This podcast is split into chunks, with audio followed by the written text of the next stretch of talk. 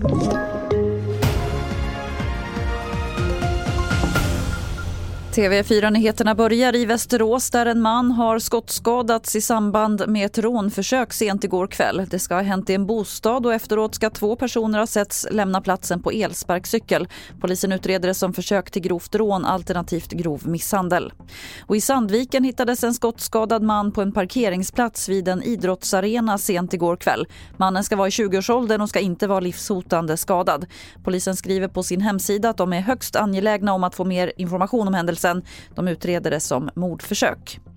Vi avslutar med det senaste om kriget i Ukraina där tunga strider har fortsatt i natt på flera håll, framförallt i de östra delarna av landet. Samtidigt kommer USAs utrikesminister Antony Blinken och försvarsminister Lloyd Austin till Kiev idag.